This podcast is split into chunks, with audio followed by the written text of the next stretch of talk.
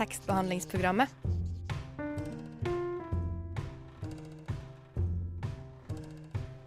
Tekstbehandling på radio. Eh, nå har vi fått besøk av redaksjonsmedlem Marie Vallestad i studio. Hei. Hallo. Eh, og du skal anmelde det nyeste nummeret av Vinduet, som er et av de største litterære tidsskriftene i Norge. Og de har også fått seg ny redaktør, Preben Jordal. Og han har lang fartstid som kritiker og oversetter, og han er tidligere redaksjonsmedlem i Vagant. Og han satt også i Vinduets redaksjon det siste året. Og temaet for dette, denne utgaven av Vinduet er vel Nietzsche, er det ikke det? Mm, det er det stemmer. Yes, Og med det i bakhodet, eh, hva var dine første tanker underveis i lesningen av Vinduet nummer 1 2015? Um, det som slo meg, var at når man er et av Norges største litterære tidsskrift, og man vier over 60 sider til Nietzsche med en slags begrunnelse om at Nietzsche er evig aktuell, uh, så bør man også klare å være aktuell.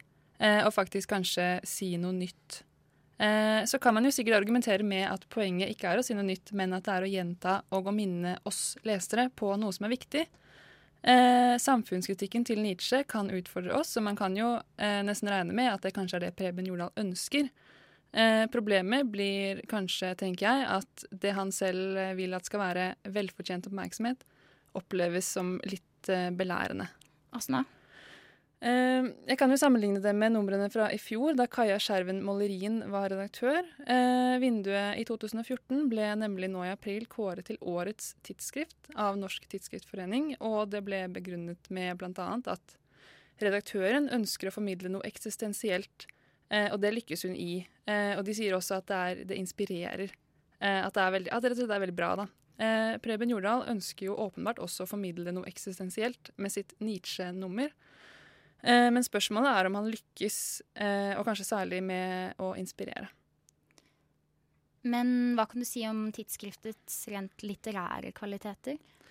Eh, da har jeg også lyst til å komme inn på den novellekonkurransen som Vinduet og Gyldendal utlyste i fjor. Eh, det ble nemlig avlyst under ny redaktør Preben Jordal. Og begrunnelsen var at ingen av de innsendte bidragene var gode nok. Eh, dette til tross for at Gyldendal i høst gikk ut med en pressemelding der de kalte innslag, innsendingene de fikk, altså over 400 stykker, eh, beskrev dem som med et gjennomgående høyt nivå. Eh, og at de etter at det de kalte grundig lesning og mange diskusjoner, også valgte ut elleve finalister. Eh, og så plutselig avlyste de. Og da tenker jeg at eh, nå påberoper eh, Vinduet med denne redaktøren seg å ønske en viss litterær kvalitet i sitt magasin. Mm, og det knyttes hvordan til denne utgaven av Vinduet? Um, altså, det er bare når jeg leser uh, f.eks. Uh, teksten til Einar Økland, uh, som han skriver om sitt forhold til Georg Johannessen, uh, så er den, den Da undrer jeg meg litt, da, fordi den for eksempel, er, liksom, den er et sentimentalt fanbrev til Johannessens person. Uh, uten at den egentlig sier noe særlig om Georg Johannessens litterære kvaliteter. Den sier heller ingenting om hvorfor han er aktuell. Eh, jeg trodde et øyeblikk at han kanskje hadde dødd nettopp, at det var en hyllest. Eh, han døde i 2005, så det er det heller ikke. Eh, og Økeland skriver side opp og ned om hvordan han opplevde det når et idol behandlet han som en venn, og det er veldig hyggelig for Økeland.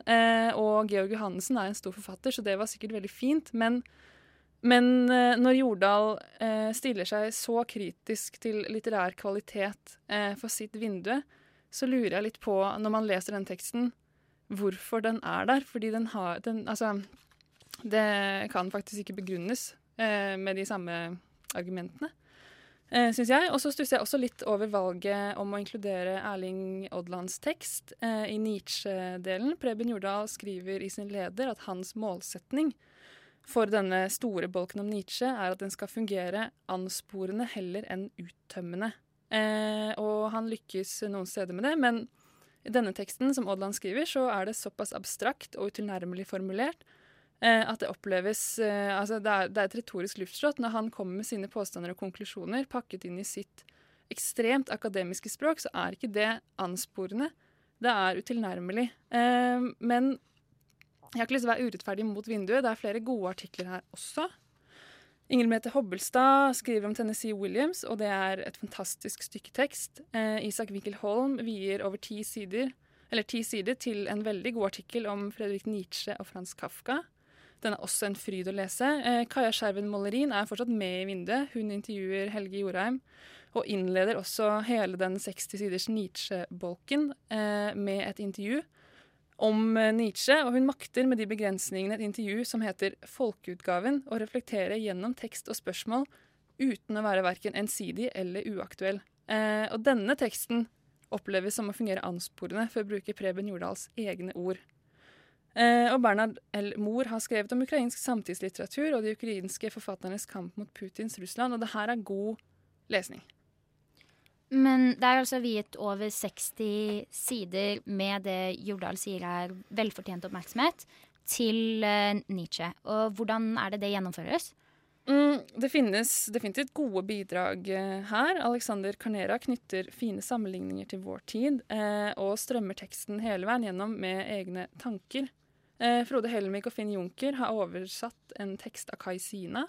Den er både velformulert og den er underholdende, men den er eh, også kanskje noe ensidig, og dette Altså, den er en tydelig hyllest til Nietzsche, eh, men den er ikke så mye mer, og det er det jeg føler at hele denne Nietzsche-greia er, at det er en ensidig hyllest. Eh, og jeg forstår at det er ment å vie eh, velfortjent oppmerksomhet til en av vår tids eh, største filosofer, eller altså, han er jo død, men liksom en av vår tids største filosofer, eh, og kanskje så stor at han kan bli litt glemt i, i, liksom, i samtidens eh, tidsskrifter og litteratur. Men det er så rart når liksom, det som følger Mollerins intervju med Helge Jorheim, som faktisk innleder hele denne Nietzsche-artikkelen, eller hele dette Nietzsche-bladet, og som kommer inn på så mye som er interessant, og som er, kan problematiseres med Nietzsche, at det ikke tas opp senere i en eneste artikkel. Eh, og jeg kunne også tenke meg å se alt det her satt opp mot mer konkrete, aktuelle temaer. Eh, Alexander Carnera er inne på det når han belyser sin tekst med f.eks. Slavoj Zizek. Men jeg bare tenker sånn, er det slik at å trekke fram Nietzsche i seg selv er et tegn på kritisk tenkning? Og det lurer jeg på fordi eh, det ikke nødvendigvis her settes i spill med egne tanker og egne undersøkelser i, i teksten, i artiklene. Eh, jeg tror jeg savner flere tanker, jeg savner flere knagger å henge Nietzsches ideologikritikk og spisse samfunnskritikk på. Uh, en ting vi har snakka litt om i tekstbehandlingsprogrammet, er det som kanskje er litt rart, med at de har, i denne utgaven av Vinduet har viet en hel forside, uh, nesten utelukkende til uh, døde menn, skulle du si. og rettferdiggjøres det når man åpner bladet? Øyvind Rimre lever iallfall. Uh, nei, altså Jeg la jo selv ut en litt slarvete kommentar om dette på Vinduets egen Instagram, så det er jo åpenbart noe jeg har sett. Eh, og altså, det med fordeling av kjønn er ganske vanskelig å ta opp. Eh, eh, jeg har så vidt fått med meg eh, sett at det er et ekstra betent eh, diskusjonsemne når man snakker om denne utgaven av Vinduet. Så jeg kan jo heller bare nevne noen ting som jeg har merket meg. på omslaget får vi et første inntrykk av hva dette bladet handler om. Og enten det er hensikten eller ikke, så vil jo det også vise hvilke verdier det ønsker å fremme, eller hva det velger å ikke fremme. Eh, på forsiden så listes Nietzsche, det er rettferdig når han er tema. Eh, Kafka, Hamsun, Tennessee Williams, Georg Johannessen, Brecht og Øyvind Rimbreid. Eh, og så selvfølgelig åpner man bladet, så viser det seg jo at det skrives av mer enn kun de navnene. Sånn er det jo med alle, alle, magasiner. Per Buvik skriver om Patrick Modiano. Christian Wiese intervjuer forfatter Jan Grue. Karina Elisabeth Bedari anmelder Anne Helene Guddal og Geir Gulliksen eh, osv. Men man kan jo allikevel merke seg det at de eneste kvinnene som omtales i det hele tatt i løpet av 135 sider, er Anne Helene Guddal eh, og Tanja Maljatsjuk, og at disse kun omtales i forbindelse med andre. Guddal anmeldes sammen med Geir Gulliksen. Maljatsjuk nevner i sin artikkel som omhandler hvordan flere ukrainske forfattere bruker ordet som våpen mot Putin og Russland. Men er det egentlig så viktig da å liksom telle opp hvor mange kvinner som finnes, når det er snakk om ja, i dette litterære spørsmålet? da? Mm, ja, ikke sant. Er det det? Eh, det er jo ikke slik at man ikke vil lese et blad bare fordi det handler om Nietzsche, Kafka, Johannessen, Hamsun og Tennessee Williams. Eh, samtidig så kan man ikke lage et magasin om noe og tro at man ikke kan la være å tenke på omgivelser og historisk kontekst. Eh, og som jeg nevnte litt i stad, altså enten man vil eller ikke, så sier det noe om hvilke verdier man ønsker å fremme når man velger hvem man skriver om, og hvem man velger å ikke skrive om. De som skriver da, er det samme tendensen der, eller? Eh, fire av de 19 artiklene bladet inneholder, inkludert leder, er skrevet av kvinner. Ja, så det er litt, litt flere kvinner der, da. men Litt, ikke- ja. litt, ja. Men uh, hva er konklusjonen din, da? Uh, hva sier du om denne utgaven av uh, Vinduet? Mm, jeg tenker at hvis Preben Jordal fortsetter i samme spor som i denne første utgaven, så tviler jeg på at det blir kåret i årets tidsskrift på nytt. Eh, for å komme tilbake til Malerien sin tid som redaktør, så er det noe med det nye vinduet som ikke på en måte, Det engasjerer ikke på samme måte. Det fester seg ikke. Altså, jeg, kan, jeg kan huske liksom helt spesifikt hvordan det var å lese den første utgaven til Kaja Skjerven Malerien i fjor på denne tiden. Jeg kan liksom huske jeg kan huske at jeg kjøpte det på Narvesen, og hvor det var. Jeg kan huske at jeg tok toget, og at jeg fordypet meg totalt i dette bladet. Og at eh, jeg ikke ville slutte å lese det da jeg gikk av på slepen jeg skulle besøke foreldrene mine. Eh, selv om det regnet. Eh, så tenkte jeg men det regner ikke så mye, så jeg kan gå mens jeg fortsetter å lese. fordi så Det er det verdt. Jeg må lese, liksom. Og sånn har det vært. Sånn var det med alle hennes fire eh, utgaver i 2014. Og sånn er det ikke med, med dette nummeret til Preben Jordal. Det er helt greit. Det er absolutt noen gode tekster, men som helhet så er det helt OK. Det er litt ensidig.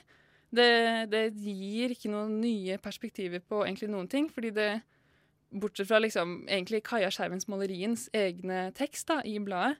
Eh, og utover den litt opphetede diskusjonen det har skapt i visse kretser, så er det egentlig et ganske forglemmelig nummer av vinduet.